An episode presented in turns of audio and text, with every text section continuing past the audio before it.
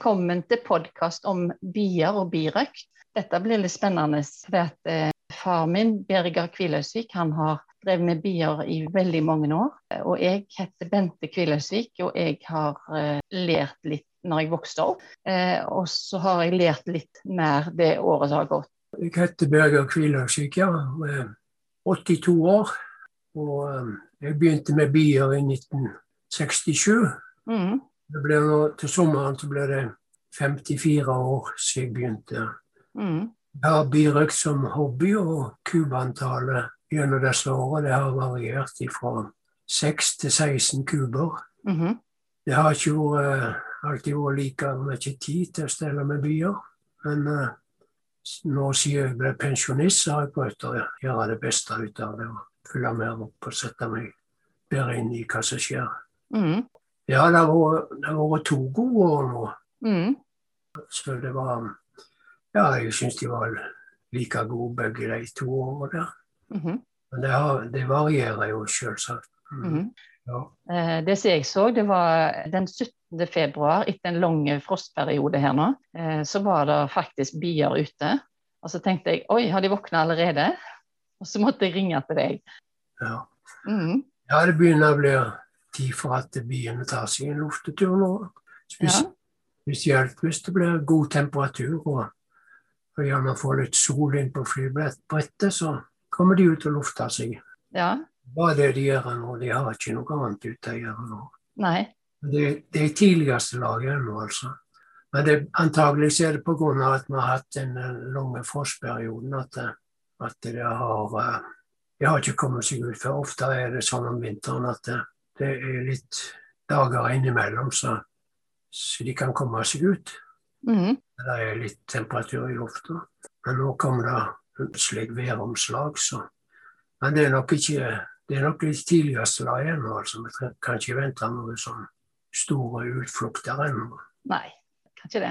Og heldigvis så har vi jo gitt dem en del mat. Vi har gitt dem en del sukkervann i høst. De har mat, sa du. Jeg trengte ikke tenke på det. Ja, de pleier, de pleier å ha rikelig med mat. De pleier å få 10-12 kilo. Og da, som regel må vi ta ut litt om våren for at, eh, at de slipper å varme opp alle de der, de der eh, rammene med fôr som er igjen. Ja. Det er om å gjøre å krympe på plassen, sånn at de, at de slipper å varme opp så mye av kubba.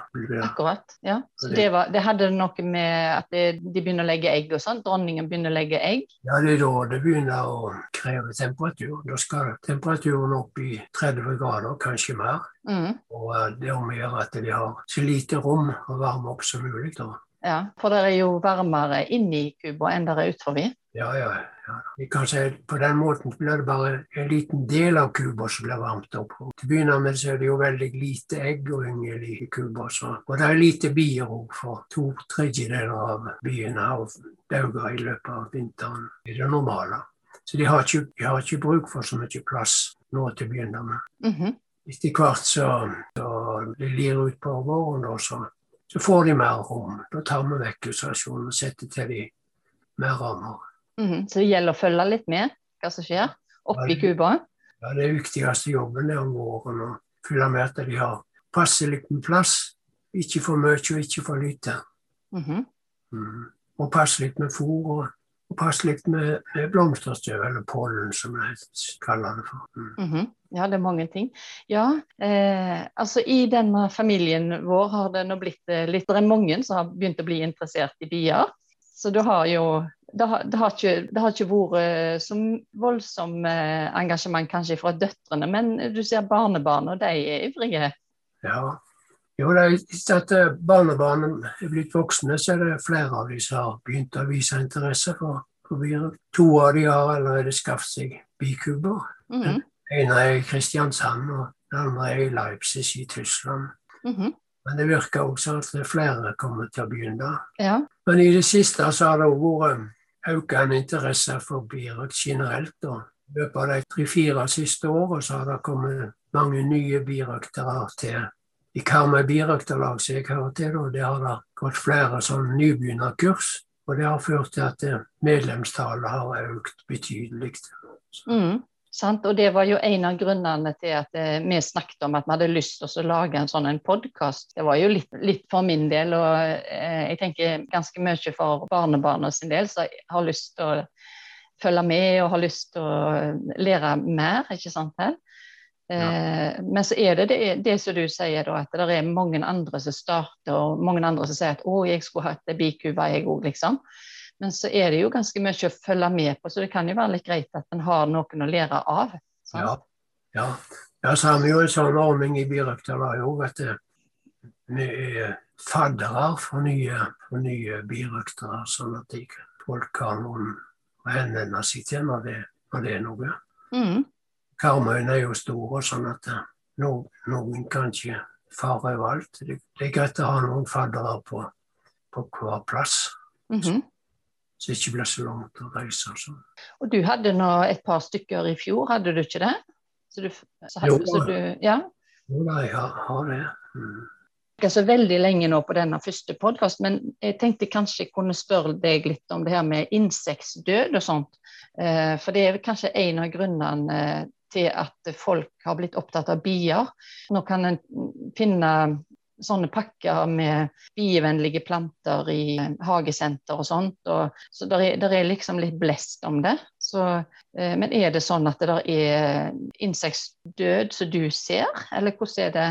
Nei, jeg kan ikke akkurat se det. Jeg har jo, har jo biene ute i utemarsj i skogen, så, så de, de, kommer lite, lite i befatning med, med sprøytemidler og sånne ting der. Men det er klart at det, når forskere og sånn finner ut at det, at det er en fare, da må vi jo ta det alvorlig. Og, og, eh, det er viktig å være oppmerksom på det mm. når det blir for seint. Ja, det, er akkurat det. Ja. ja. Mm. Så vi er føre var, og så satser vi på bier. Ja. En, en annen ting er, er jo at uh, vi må jo sørge for at biene trives og har det bra, sånn at det vi unngår sykdommer og sånn. Ja. Det er jo viktig. Ja, det var jo en god del av det vi jobba med i fjor òg. Og passe på. Ja. ja. Eh, så, så, dette her med matebiene, altså det her med stor drift av eh, gårder og sånne ting, og eh, at en gjerne har sprøyta en del eh, åkrer og sånn at det er, er, mange planter som forsvinner. Det har vel de gjerne diskutert litt, at det er en sånn fare for både andre insekter og bier. sant? Ja, det, det, er nok eh, Det er nok et poeng. Før var det gjerne før var gjerne ikke bøndene sånn intensive når det gjaldt å få vekk andre vekster enn det som de ville ha. Da. Det kan hende de er mer, mer pågående for å få det til å vokse det de vil ha. At de sprøyter. Mm. Det var, før var det jo sånn at vi lugga, da. Ja i åkrene og sånn. Men, men nå, uh, nå, sprøyter de i plassen. Så, ja. Så det, er nok, det er nok noe med det. Men, men for, akkurat for vår del her, så vet jeg ikke om det, merker så mye til det. Siden vi har utemarka. Ja, sant, for det, det, er ingen som går og sprøyter der. Nei. Nei. Det er jo, det er jo lyngen som er det viktigste for oss. Jeg, mm. Ja, det er jo løvetann og, og lyng, forskjellige slags lyng. Og den, eh, den, har vi jo fortsatt. Mm. Røslyng og purpurlyng og klokkelyng og, og sånn. Så geitrams og forskjellig sånn. Ja. Blåbær og ingebær er det en del av òg. Mm. Så det, de har vi jo. De finnes jo ute i, i skogen og i veikanter og hvor som helst. Så og den der blåbærhonningen som jeg fikk smake fra Kristiansand, den var nå utrolig god. Ja, ja, den er god, den. den. Mm.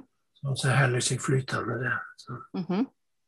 Og så er det jo en del som har uh, lagt om driften uh, av jordbruk og sånne ting, sånn at det er en god del mer økologisk landbruk om dagen. Det tenker iallfall jeg at det må jo være kjempebra i forhold til både insekter og, og bier. Ja, det skulle jeg tro det vil hjelpe på. Ja, så vi får heie på det. Men når, når det gjelder birøkt i det hele tatt, så har jo været veldig mye å si. Hvis Ja.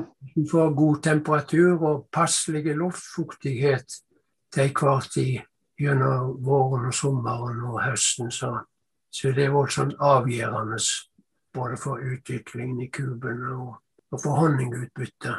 Ja. Det, det må ikke være for tørt, og det må ikke være for, for vått heller. Så man må ha god temperatur. Mm.